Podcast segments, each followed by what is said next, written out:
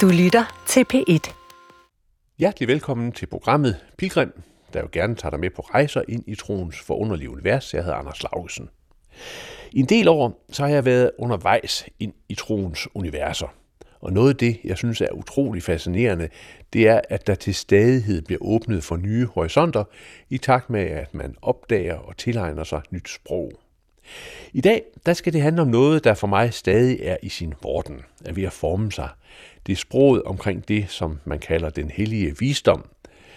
Det er en del af begreberne omkring skabelsen, som den var engang, og ikke mindst skabelsen, som den finder sted lige nu og her. I en understrøm, så har sproget om den kvindelige visdom, Sofia, snoet sig op igennem religionshistorien. Og tror jeg, man må sige, der er ikke rigtig nogen, som helt har styr på hende endnu. Men der er en fornemmelse af en tilstedeværelse, og i traditionerne er den tilstedeværelse blevet kaldt kvindelig.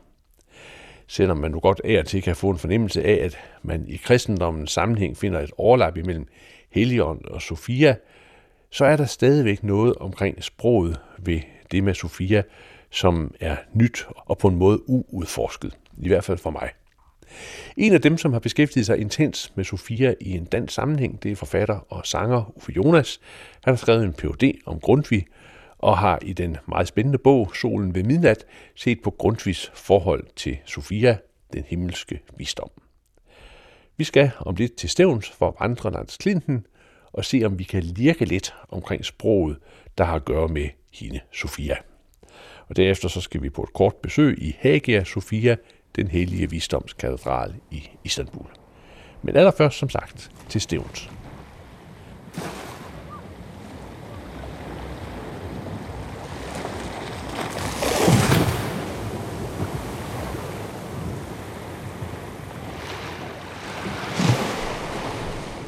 Uffe Jonas, vi har begivet os ud på en lille tur fra øh, stedet, hvor du bor.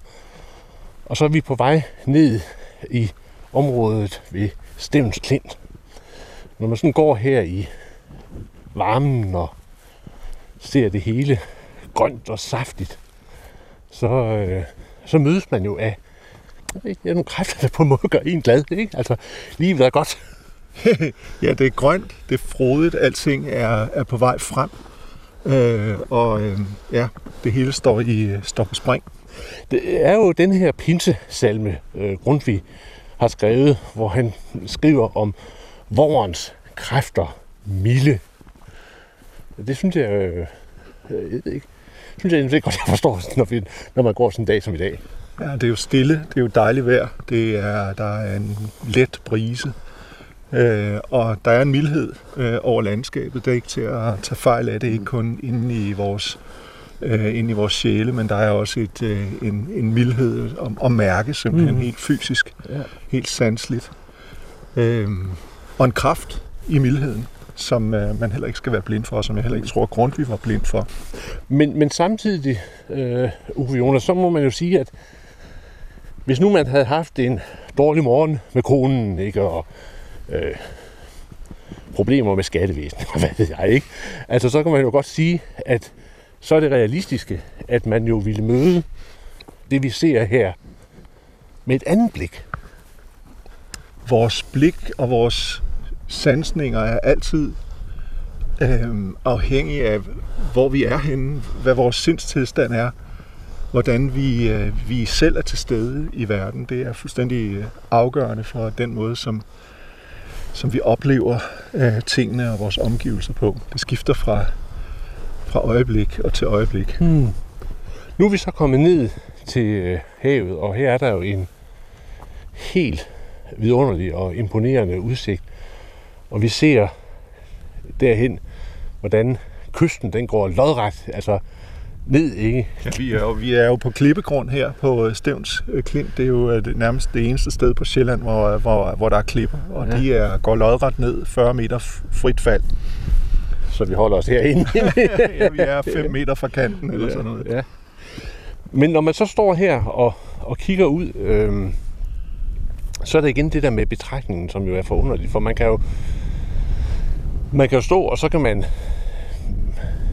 se, han har sagt ingenting, og så pludselig så bliver øjet fanget af solen, der står og danser i øh, øh, havoverfladen. Øh, sådan helt citrende, ikke? Ja. Eller man kan se øh, Clintons øh, forunderlige former og lag, der, der sådan øh, virker dragende. Altså, der er i sådan nogle øjeblikke et samspil imellem øh, sindet og, og det, der er derude.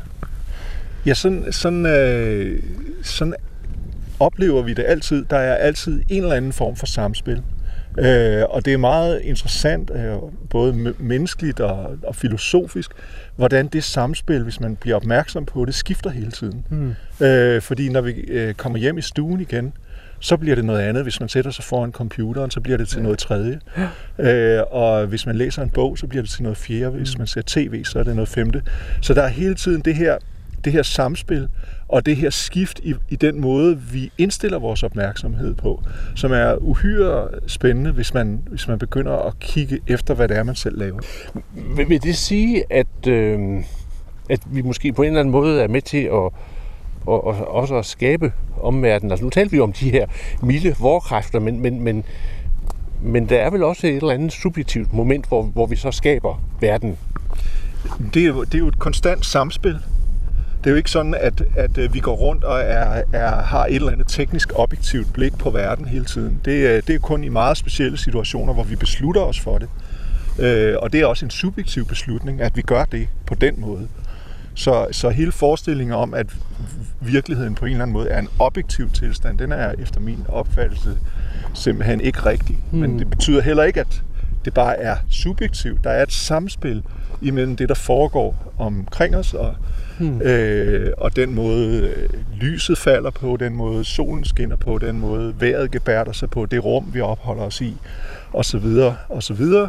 Og så det, der sker inden i os, de hmm. stemninger, vi er i de tanker, vi har, de følelser, vi kæmper med osv., det, det, det indgår i en, i en dialog, kan man sige, eller i et samspil øh, i vores sansninger, og det foregår hele tiden, helt mm. automatisk, og som regel lægger vi ikke engang mærke til det.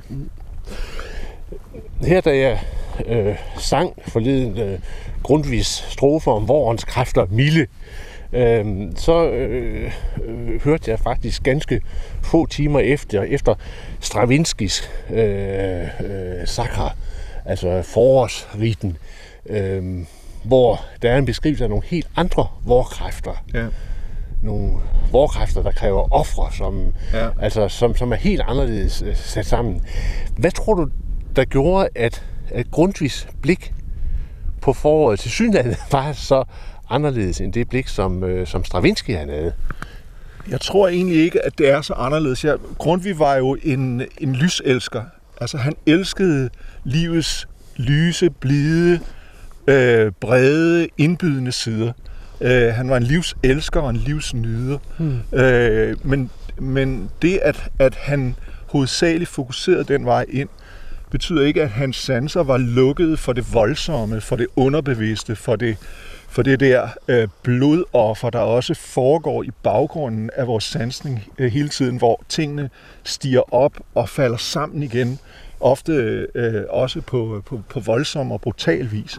Øh, skabelsen er brutal, øh, som, som en... Øh, som en, som en kraft, der, der folder sig ud øh, i, øh, i verden, og den involverer os i, i liv og død og mm. kæmpe store kræfter, som, som rent fysisk i hvert fald ender med at knuse os. Mm. Det var Grundtvig udmærket klar over. Ja. Og det er jo også en del af påskens drama. Mm. Men, men alligevel så er der jo igennem Grundtvigs øh, salmedækning en pegen hen på lyset, en pegen hen på, ja, på mildheden. Ikke? Altid, ja øh, fordi han, han ja. havde en forkærlighed, kan man sige, ja. for det milde, ja. øh, og det lyse, og det, og det vækstprægede, det som, mm. det som vi alligevel kan indgå i en form for menneskelig dialog med, mm. og komme i øjenhøjde med, og hvor, hvor, hvor igennem vi også kan komme i øjenhøjde med vores egne sanser, og med, med de processer, der foregår inde i os selv, og som bærer livet med sig. Men, men er det så et, på en måde et, et valg? Altså i stedet for, han er bevidst om, om, om kræfterne, der kræver offer og blod osv., men, men er der så et valg i det at, at fokusere på, på de der, ja, det milde, det, det... Øh? Jeg tror, at for Grundtvig var det et, var det et bevidst valg. Øh, fordi øh, nu har jeg jo studeret Grundtvig meget intenst i mange mm. år, og jeg ved, at han også var intimt bekendt med den mørkere side af, af sindet og af, af tilværelsen. Øh, så det var ikke, fordi han ikke kendte det, men fordi han valgte, øh, at hans syn og det, som skulle bære ud i verden omkring ham, skulle være noget, som kunne bygge øh, mennesker op og give dem tro på livet. Hmm. Øh, og derfor valgte han det fokus. Men hvis man kigger nøjere efter i hans dækning og i hans tekster, så vil man se, at han har fin forståelse øh, for, for det andet også, og at, og at det, det fremgår, men det fremgår på en mere diskret måde, hmm. øh, og er til at få øje på for dem, som øh, er klar til at få øje på det, dem som har brug for at få øje på det, fordi det klinger ind i en erfaring i deres sjæl og i deres sind. Og der er vi jo så på en måde øh, inde ved, mm, jeg ved ikke, man kan kalde det gudsbilledet, men altså billedet af de store kræfter i verden. Fordi man kan i hvert fald sige sådan rent øh, religionshistorisk, så er der stor forskel på, hvordan man ligesom øh, fortæller om Gud, og øh, den verden, som, som man er indfældet i. Øhm, og der kan man jo sige, at der i vores sammenhæng på mange måder har været en fortælling om en, øh, en skabergud, maskulin skabergud, om en gud, der også er streng. Ikke? Altså, der, der, der har været en, en, en, en fortælling om Gud, som har peget i en bestemt øh, retning. Og der er det måske, at, Grundtvig han kommer ind og, og, og, og, og drejer tingene. Altså det, hos Grundtvig er der et, et fantastisk nuanceret syn på, øh, på, øh, på skabelsen, hvor der jo både er den her voldsomme kraftudladning i forbindelse med, øh, med det første med de første skabelsesprocesser og, og, og hele lysudbruddet. Men der er også en stillhed og en, og en ømhed og en nænsomhed over de allertidligste begyndelser i skabelsen, hvor, øh, hvor Guds ordet svæver over, over vandene, som det hedder, eller hvor ånden svæver over vandene. Der er en stillhed i det øjeblik. Hmm. En, en, en form for magisk moment, før det hele bryder ud og går i gang, hvor, hvor alt er parathed, hvor alt er stemt til det næste øjeblik, men det næste øjeblik, hvor alt sker, er endnu ikke indtruffet. Hmm. Og i det der moment, hvor ånden svæver over vandene, der er der ren spejling, ren opmærksomhed, rent gudsnærvær.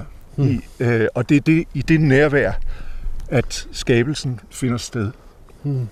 Som en, kan man sige, i en ren modtagelighed for det, som skal ske, og det, som sker.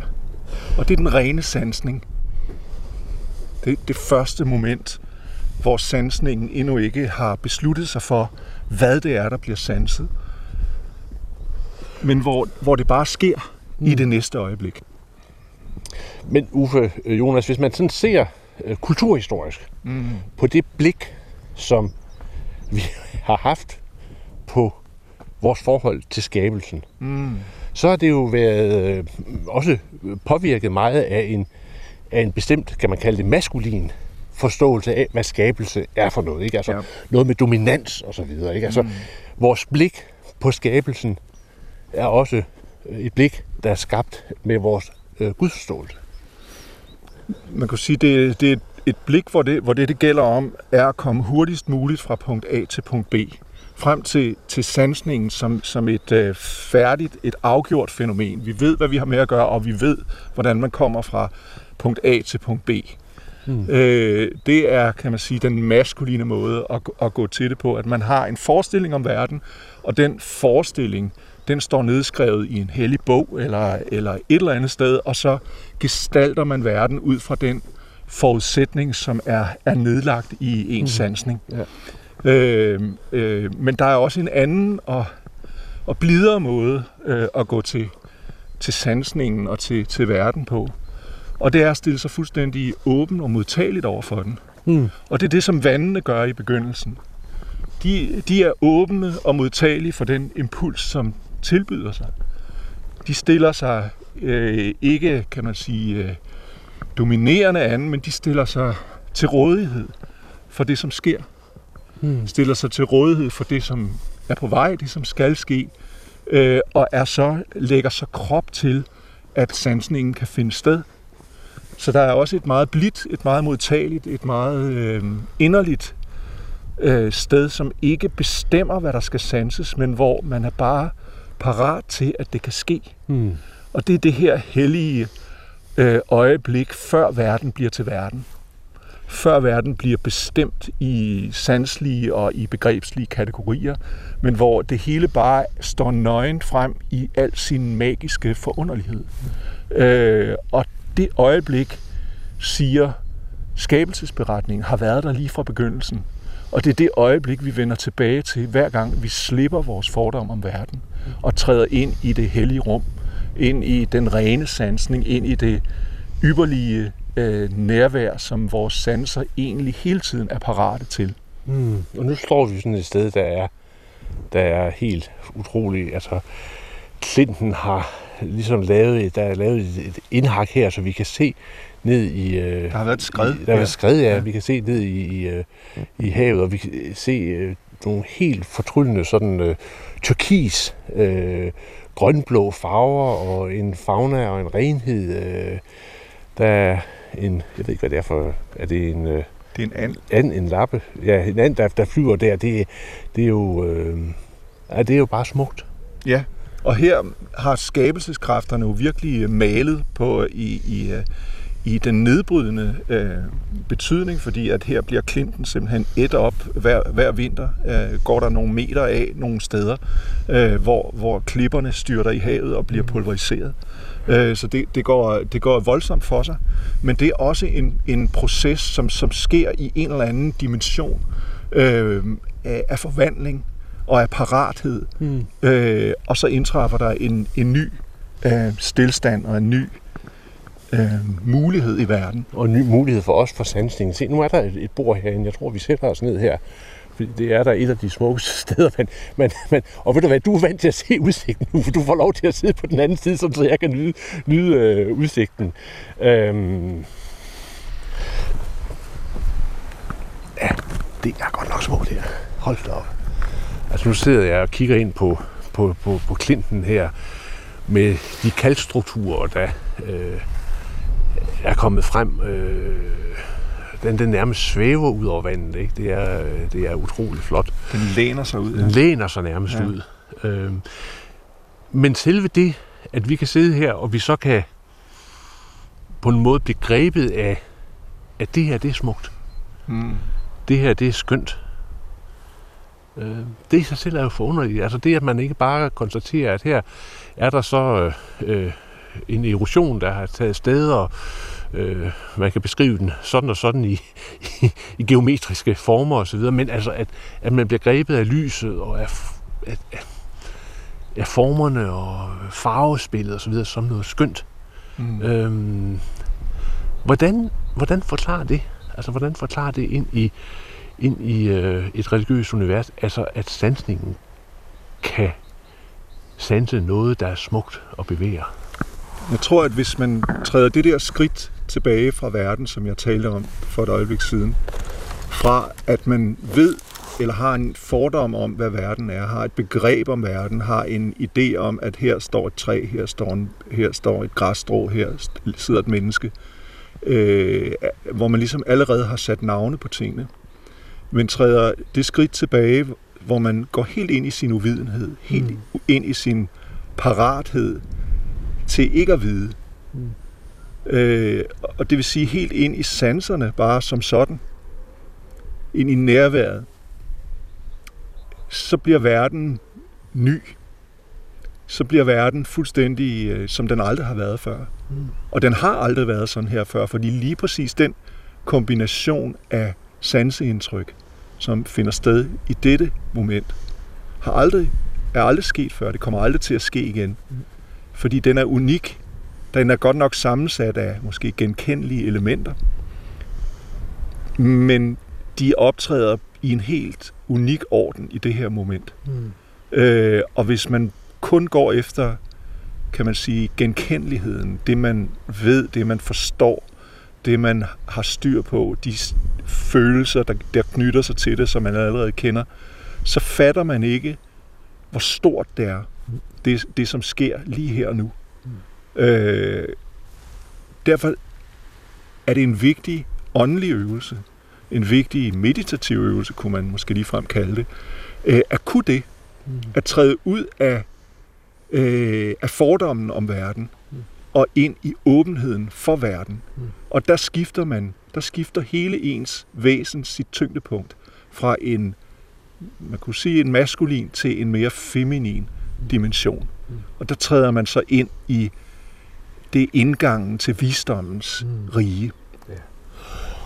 Og der er vi så med et forholdsvis langt indløb kommet frem til måske det, man kunne kalde omdrejningspunktet for det, vi skal tale om. For det man kan sige, at når vi, når vi forsøger at beskrive verden også religiøst, så øh, bruger vi nogle begreber, øh, og vi har for eksempel i øh, det treenige gudsbegreb en hel masse sådan små elementer, der er med til at, at, at beskrive verden.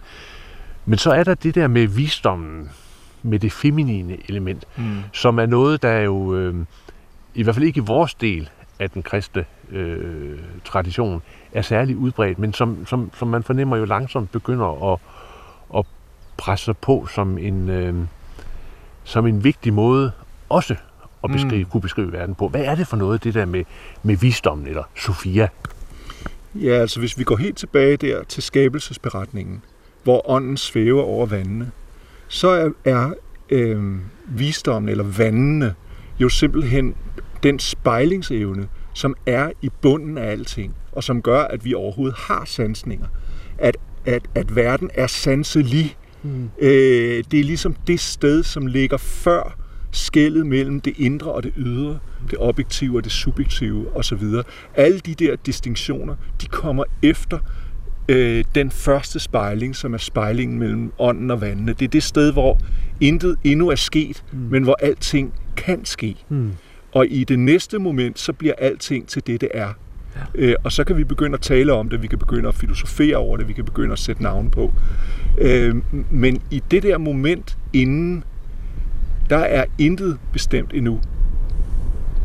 Alt kan ske, og det er et heldigt øjeblik. Det er begyndelsen på alting, øh, og det er en modtagelighed for indtryk, hmm. øh, som som ligger i kernen af, af vores, øh, vores sprog, i kernen af, øh, af al skabelse. Mm. Både den første skabelse fra lysets begyndelse, til den skabelse, som finder sted i den her samtale. Mm. Og det var Grundtvig vel på en måde klar over, eller det fornemmede han. Øh, hvordan, hvordan, hvordan, hvordan, altså, hvordan forsøger han at, at, at nærme sig det du, det, du her også forsøger at beskrive? Han forsøger at nærme sig det på alle mulige lederkanter. I, i, altså, han bevæger sig rundt om det her tema i en uendelighed. Sådan set. Mm. Det er hele hans forfatterskab af en stor dans omkring det her møde imellem paratheden og impulsen. Mm. Øh, imellem ånden og vandene, imellem det indre og det ydre, imellem det høje og det dybe. Mm.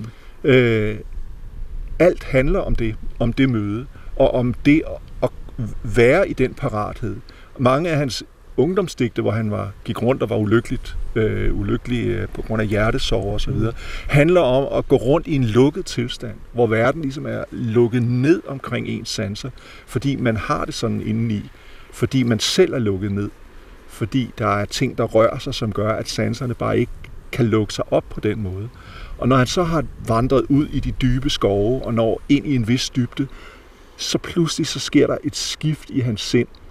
Så den her åbning sker, og han træder ind i en, en, en sanselig dimension, mm. som samtidig er en oversanselig dimension, hvor det, som spiller bag ved tingene, bag ved tingskvaliteten, det træder ind i hans sanseliv og bliver levende for ham. Mm. Øh, og så er det, at han får lyst til at bøje sig ned for et, øh, for et naturalter. Mm. Øh, ikke fordi, at han vil dyrke en afgud, men fordi han ser Gud i det, i det nærværende. Mm. Fordi han oplever, at Gud kommer til stede, også for sansningen.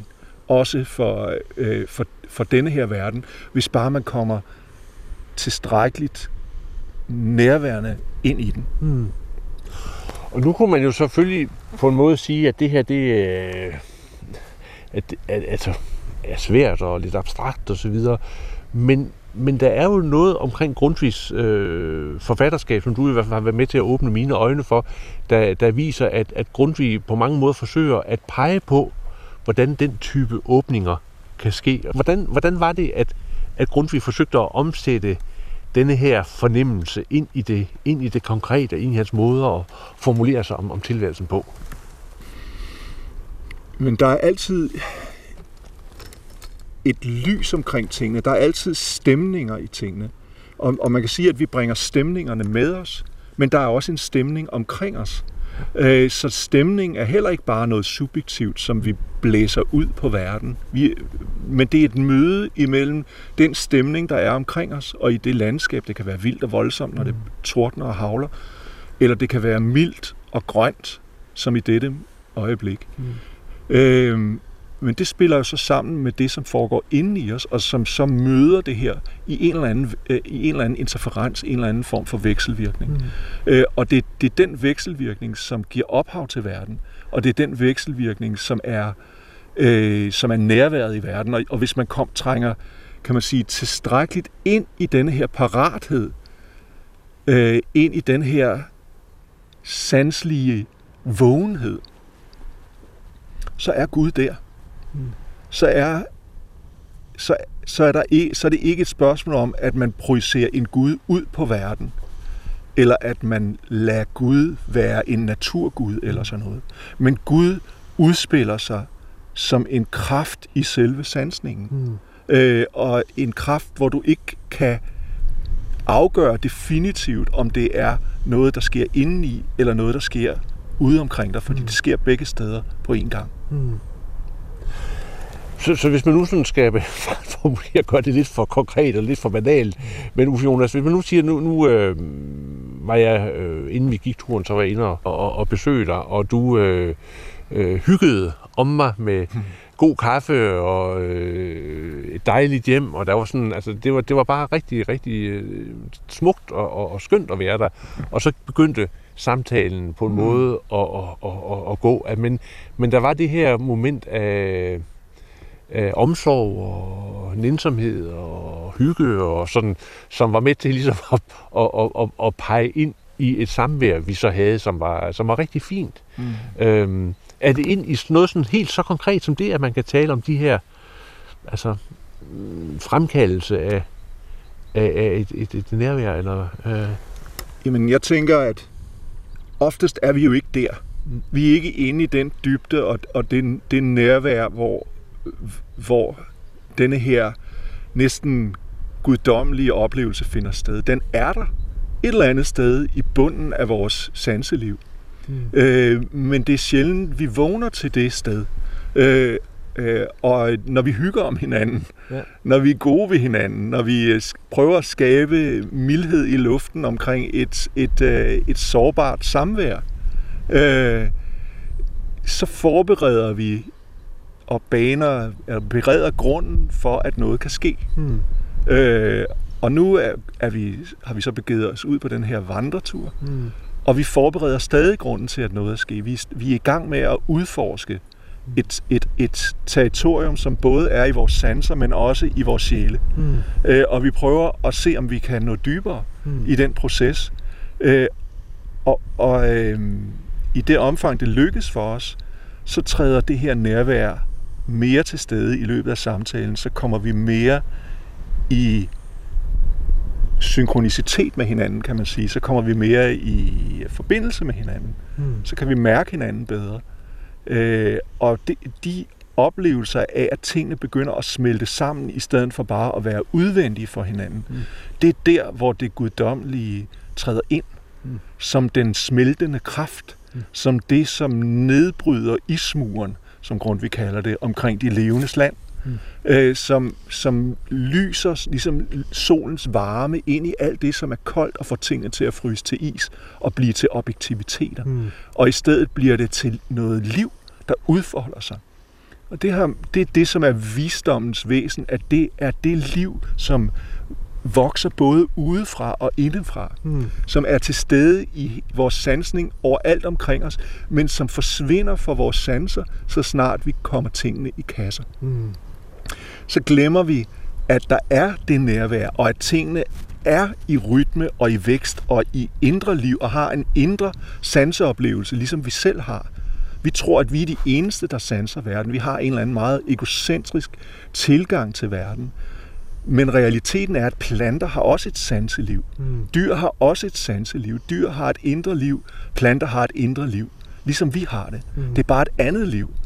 De oplever verden på en helt anden måde end os.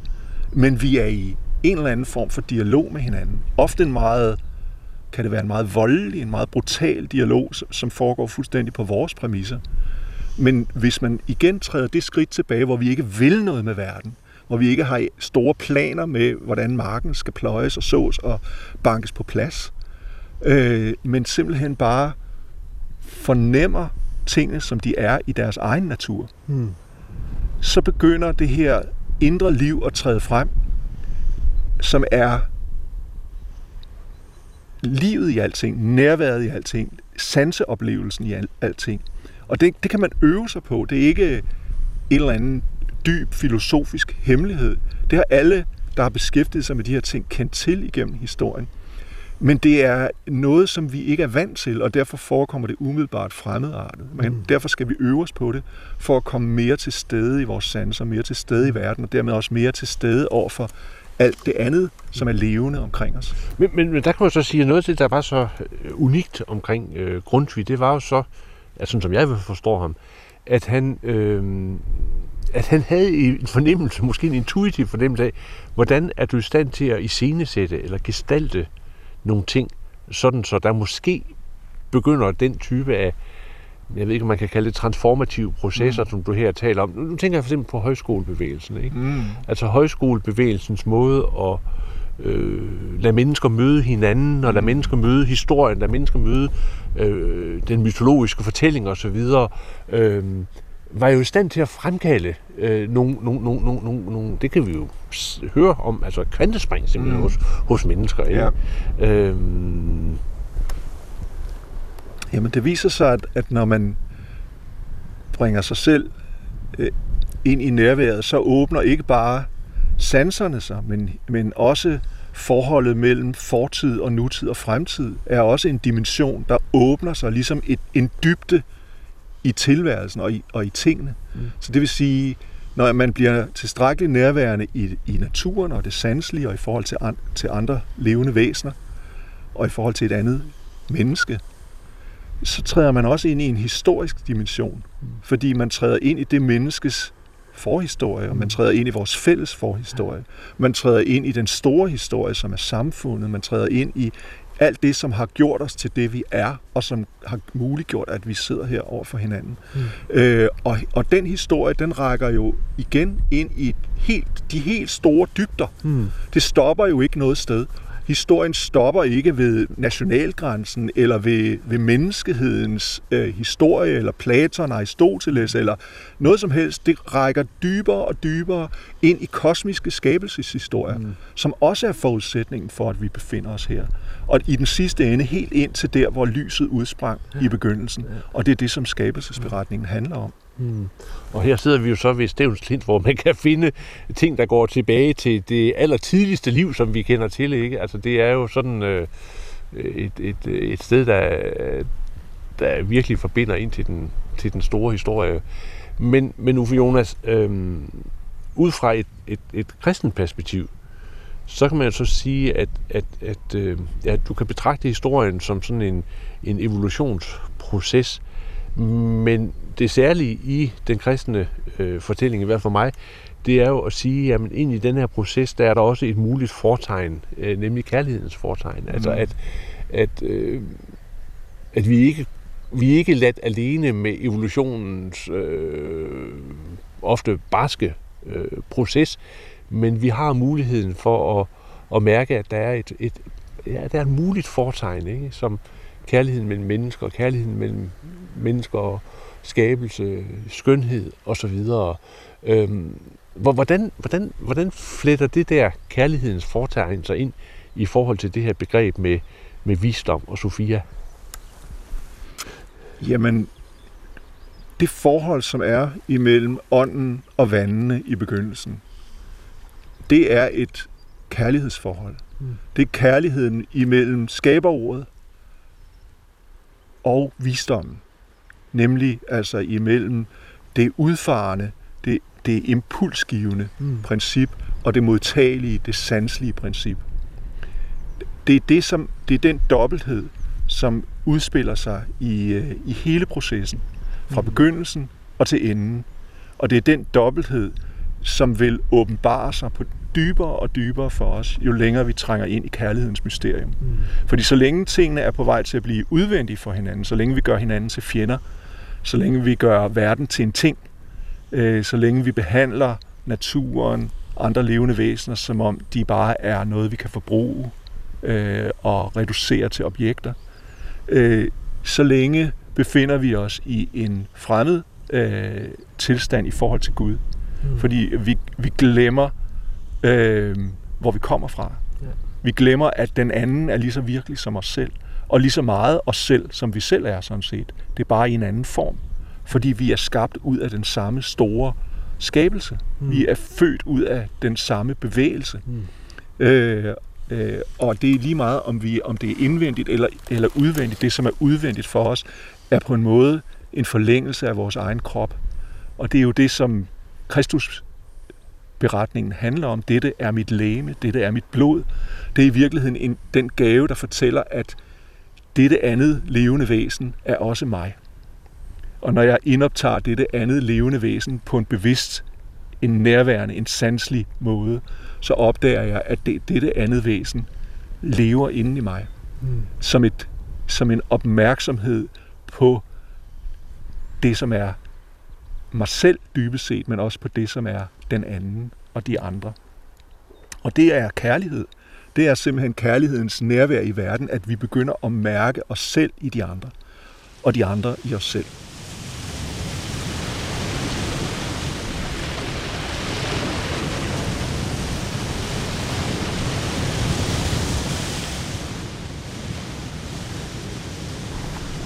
Mig skabte Herren først blandt alle sine værker. I urtiden, før han skabte noget andet.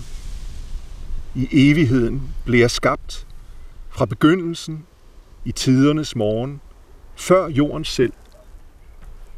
Jeg blev født før verdensdybet, før kilderne og vandenes væld var til, før bjergene blev grundfæstet, før højene blev frembragt, før jorden og markerne og denne verdens urstøv. Da han grundfæstede himlen, var jeg hos ham. Da han satte vælv over verdensdybet. Da han festede skyerne oventil og gav verdensdybets kilder deres faste sted. Da han satte havet en grænse, at vandene ej skulle bryde hans lov, da han lagde jordens grundvold. Som en medskaber, en fryd for øjet, dansede jeg for hans åsyn dag efter dag. Jeg dansede af glæde ved hans skaberværk, og jeg frydede mig over menneskene. Uffe Jonas, hvad var det, vi, øh, vi hørte? Det er en, øh, en øh, passage fra Ordsprogenes bog, kapitel 8, hvor visdommen øh, kommer til stede og præsenterer sig selv som den, der var der lige fra begyndelsen – som var der som den første af alle Guds skabninger. Mm. Som den, der ikke bare så det hele, var til stede i det hele, men som var Guds medskaber. Mm. Det ord, det øh, hebraiske ord, der bruges her, er ordet øh, amaun, mm. som betyder en arkitekt eller en mesterhåndværker, og det har jeg så øh, oversat til en medskaber. Mm. Så tanken om den hellige visdom, den, den, den ligger sådan spredt nogle få steder rundt omkring i, øh, i Bibelen. Den er, den er i virkeligheden det, som bærer hele teksten. Øh, fordi visdommen er simpelthen det sprog, som teksterne er skrevet i. Og hvis ikke man forstår visdommen og har den modtagelighed for det indre liv i teksterne, som grund vi kalder for det levende ord, så forstår man ikke, hvad teksterne handler om. Så læser man dem på en udvendiggørende måde. Men, men, men det står kun sådan eksplicit skrevet nogle ganske få nogle steder, ikke? ganske bestemte steder, men dog i et antal bøger, som øh, man kalder for visdomsbøgerne, så det er ikke bare nogle enkelte steder, det er faktisk en, en omfattende del af det gamle testamente, som har visdommen som tema. Mm. Øh, og visdommen er simpelthen de briller man skal læse teksterne med. Så hvis ikke man har fat i visdommen, hvis ikke man lader den blive levende i ens sjæleliv, hvis ikke man fatter visdommen og dens natur, så fatter man i virkeligheden ikke, hvad teksterne handler om. Men, men sådan kulturhistorisk, så har visdommen, tanken og visdommen levet sådan et lidt et, et øh, undertrykt liv. Jamen det har jo noget at gøre med, at den maskuline, den øh, patriarkalske orden har været noget med at have styr på tingene. En overlever-orden, øh, hvor, hvor jagtinstinktet har, har spillet en, en, en dominerende rolle. Og den her mere blide, modtagelige side, hvor, hvor vi øh, bare stiller os åbne for tingene, øh, har simpelthen nogle mere feminine kvaliteter ved sig. Øh, hvor vi ikke forsøger at dominere tingene, men hvor vi bare forsøger at, at mærke dem, sanse tingene, som de er. Og det virker simpelthen skræmmende på en kriger, mm. øh, fordi krigeren skal have styr på. Og når man træder ind i det her mode, kan man sige, ind i den her tilstand af ren værens åbenhed, så har man ikke styr på det længere. Så sker der bare noget, og det kan være blidt og mildt og dejligt og fint og sart og, og sansligt og sprudlende. Men det kan også være, være vildt og voldsomt. Det jo, kan jo være alle mulige kræfter, der træder ind i det felt. Øh, og hvis man gerne vil have styr på tingene, så lukker man ned for de muligheder. Mm. Øh, for simpelthen at kunne fastholde verden i en bestemt modalitet, som man foretrækker, eller som man har for vane. Mm. Øh, og visdommen vil noget andet med os. Hun vil have os fuldt til stede i alt, hvad der sker. Øh, hun vil bringe os, så, gøre så levende, så vi ikke kan overse Gud i enhver sansning. Talen omkring visdommen som en del af en måde, Sofia som en del af, af måden at tale om Gud på, det er jo sådan noget, der begynder at komme frem, er begyndt at komme frem i de sidste årtier her. Hvor, hvor, hvorfor det? Jamen det er jo fordi, at nu er vores samfund blevet bragt øh, til et sted, til en tilstand, til en krise, hvor alt falder fra hinanden. Hvor vi simpelthen ikke kan opretholde vores samfundsorden, medmindre vi vender os ind i en mere følsom modus medmindre vi, vi begynder at åbne for, for visdommens perspektiv, visdommens nærvær, visdommens kraft. For hun sidder med alle nøglerne. Visdommen er ikke bare en passiv modtager. Visdommen er også den, der besidder pulslagene til det nye samfund, den, som forstår livet indefra, og som derfor kan bringe det hendøende liv tilbage til livet på en måde, som ikke er dominerende, manipulerende og destruktiv.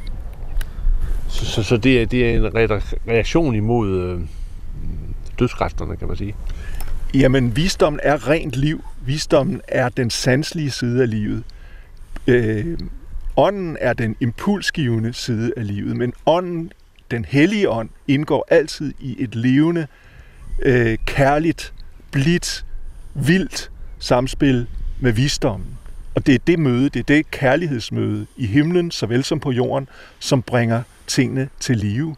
Mm. Øh, så der er helligånd i enhver, i et hvert kærlighedsmøde. Der er helligånd og visdom i enhver kærlighedsakt. Der er helligånd og visdom og kærlighedsmøde i enhver skabelsesakt. Øh, og det, som er hemmeligheden her, det er, at tingene skal udfolde sig i deres egen orden. Ikke den orden, vi påtvinger tingene og ødelægger tingene med. Fordi vi har idéer om, hvordan tingene burde være, og hvordan vi kan tjene penge på dem osv. Men at tingene får lov til at folde sig ud indefra, mm. fra deres egen natur, fra, der, fra det, som de selv gerne vil. Det er det, som er den hellige orden. Det er, at alting får lov til at vokse i naturens egen puls, i, i, i sin egen rytme, som kan være en rytme, som er helt fremmed for vores egen. Vi har også vores rytme, den skal vi passe på.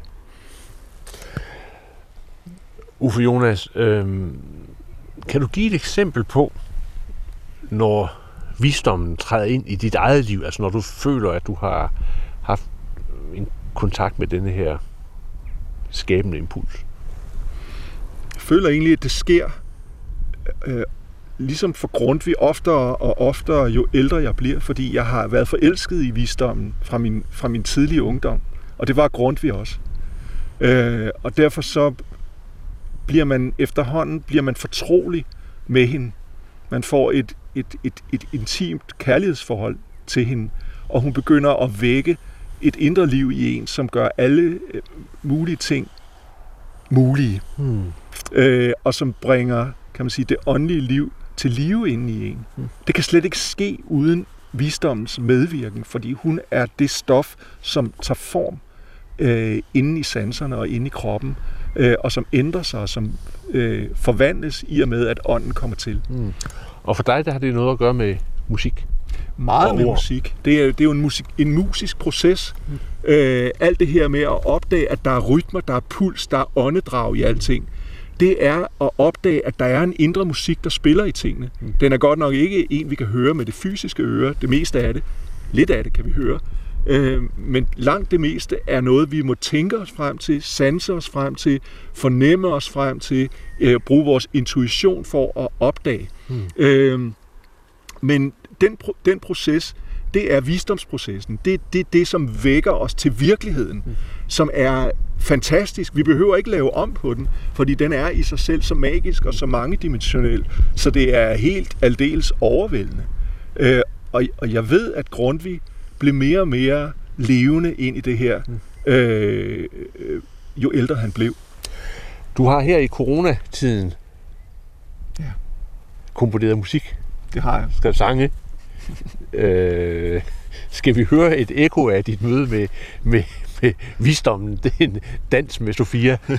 ja, hvad, hvad gør man når, man, når man sidder her og ikke får besøg af nogen, og bare er lukket inde i, i sit lille rum?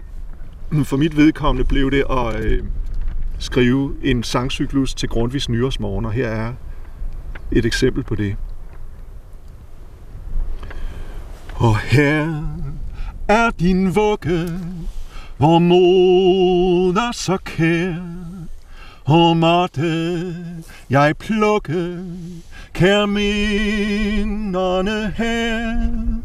Aksen til hvad nytte hun svarede på stand. Nej, kunne du flytte min vugge et græn, da var jeg fornøjet, da åbnedes øje for lys i de levendes land. For lys i de levendes land.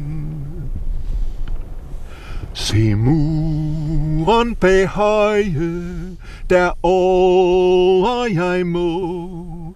Jeg længe med møje har prøvet derpå.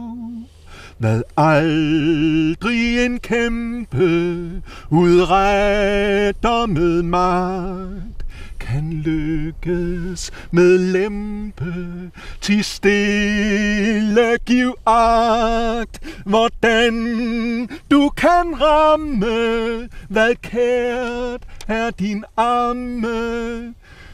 Du mærke det lignelsesvis. Du mærke det lignelsesvis. Den grundmur på tue, det kunstværk af held, var som man kan skue i iskampe fjeld, hvor moder sin hammer kun rørte et græn. I brandgule flammer stod muren på stand, men lurerne isned, hvor moder hen visned, som blomst ved ildsprudende fjeld som blomst ved ildsprudende fjeld. Det var forfatter Uffe Jonas, jeg havde mødt på Stævns. Der er lidt tid til års, så derfor skal vi på en rejse til Istanbul og genhøre lidt fra et besøg i Hagia Sophia-katedralen, imens den stadigvæk var et museum. I 2020 blev den omdannet til en moské. Rundt omkring i verden, der er der forskellige bygninger, som er blevet tegn, som er blevet markeringer af store begivenheder. som er blevet skældsættende i menneskehedens kulturhistorie. En af de bygninger er Hagia Sophia-katedralen i det nuværende Istanbul til tidligere Konstantinopel. Når man kommer hertil og træder ind i den gamle kirke, så fyldes man af stor, stor undren over, hvordan sådan et kæmpe bygningsværk kunne være blevet til for mere end 1500 år siden. Når man først træder ind, så kommer man ind i det første narthex. Det er sådan lidt ligesom vores våbenhus. Det er bare en meget lang, aflang rum med øh, små buer over, og der er ni døre. Her i midten, der er kongedøren, kejserdøren, som kejseren trådte ind af. Han trådte ind over marmor trinet ind i et nyt og flottere narthex. I dag er det dækket med fantastiske mosaikker af guld. Og over døren ind til selve kirken, der er et billede af Kristus. Han holder i hånden en bog, hvor der står, jeg er verdens lys, og sidder på en trone, en kejsertrone. Og nede til venstre for ham ligger så kejseren, den værtslige magt, og falder på knæ for ham. Det er Leo den 6. egentlig senere byzantinske kejser, der vist nok efter sine var gift i gange, så det kan også være det derfor, han ligesom beder om forladelse. I hvert fald så er det øh, et kraftigt symbol på, at her træder man ind i et gudshus. Og så kommer man så ind i selve hovedrummet. Nu har jeg altså været her adskillige gange, og hver eneste gang, jeg kommer ind, så der bliver jeg simpelthen næsten øh, stum og, og altså, det er et af de flotteste rum, jeg kender. Et af de flotteste rum i verden. Det er måske det flotteste rum i verden, efter min mening. Hovedrummet er et rum, der er domineret af en kæmpe kuppel, som svæver 50 meter, 53 meter oppe. Den er 33 meter i diameter, og under selve denne guldbelagte kuppel, der er der en masse vinduer, som gør, at der kommer lys ind under kuplen. Kuplen er så støttet af en række halvkupler, som øh, holder hele konstruktionen oppe og nogle gigantiske søjler. Og på hver side af det her rum, der er altså domineret af kuplen, det centrale rum, der er der nogle lange sideskibe, der holdes oppe af søjler. De gamle basilika-lignende former. Her på stedet, der lå der allerede fra slutningen af 300-tallet øh, katedraler. Det var jo sådan, at øh, Konstantin den Store, han gjorde kristendommen til en anerkendt religion og til statsreligion i det romerske rige. Og for at, at øh, markere det, så byggede efter sine hans søn den første katedral her. Den var af træ, og den havde en basilikaform. Det er sådan en lang form, ligesom vi kender hjemme fra vores øh, domkirker, beregnet til, at man kommer ind i en procession, og i virkeligheden er det noget, der stammer tilbage fra gammel romersk byggeri, hvor man havde øh, øh retssale og sådan noget. Sådan nogle officielle byggerier, som, som de første kristne arkitekter så øh, overtog. Men den var af træ. Den første brændte ned. Den næste, der blev opført, brændte også ned. Det var i 532 da der var et stort oprør her i Konstantinopel imod kejseren. Kejser Justinian, som øh, efter sigende blev så bange, at han var ved at flygte med hans kone Theodora. Hun holdt ham fast og sagde, du må nedkæmpe oprøret. Og det gjorde han så, men hans katedral, den var brændt ned. Han øh, kaldte så forskellige arkitekter sammen og det her det er jo nok mere legendestof, end det reelt, ja, det ved jeg ikke, men i hvert fald legenderne siger, at han kaldte øh, arkitekter sammen og øh, så forskellige planer. Og han synes ikke lige, det var, ah, det var ikke lige det. Så en dag, hvor han var til øh, den guddommelige liturgi, hvor han modtog nadveren, der skete der det helt forfærdelige, at præsten kom til at tabe det lille stykke brød, som kejseren skulle modtage, som altså Jesu Kristi lægeme. Og det var en katastrofe. For ikke nok med, at det blev tabt ned på, på jorden, men i det øjeblik, der kom der en bil, som kom hen og tog dette lille stykke brød. Kejseren satte straks en kæmpe eftersøgning i gang hos alle biavlere, Og man fandt, man fandt ganske rigtigt dette lille stykke brød. Men det fantastiske var, at det sad i toppen af en konstruktion af bivoks. Ikke sådan delt op i øh, celler, som vi, del, vi kender det, men sådan en, en helt glat konstruktion med form af en kuppel. Og der vidste kejseren, at den kuppelform, som man kendte fra de gamle baptisterier, der hvor man havde døbt øh, de nye kristne, øh, baptisterierne, som altid lå uden for de her store øh, basilikaer, at, at, at den form for kuplen, det var det, der skulle være formen i den nye katedral Hagia Sophia, katedralen for den hellige visdom. Og så fik man 532 samlet 100 bygmestre. Og de fik hver 100 arbejdere. Og så gik der bud rundt i hele verden, som man kendte på det tidspunkt, at man skulle skaffe de bedste materialer til huset.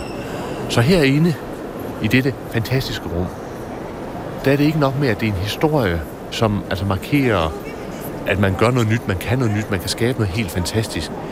Men samtidig så er der materialer fra det gamle Artemis-tempel, der er materialer fra det gamle Ægypten, der er materialer fra det gamle øh, Syrien, der er altså materialer hele vejen rundt, som sådan set bærer de gamle helligsteder med sig.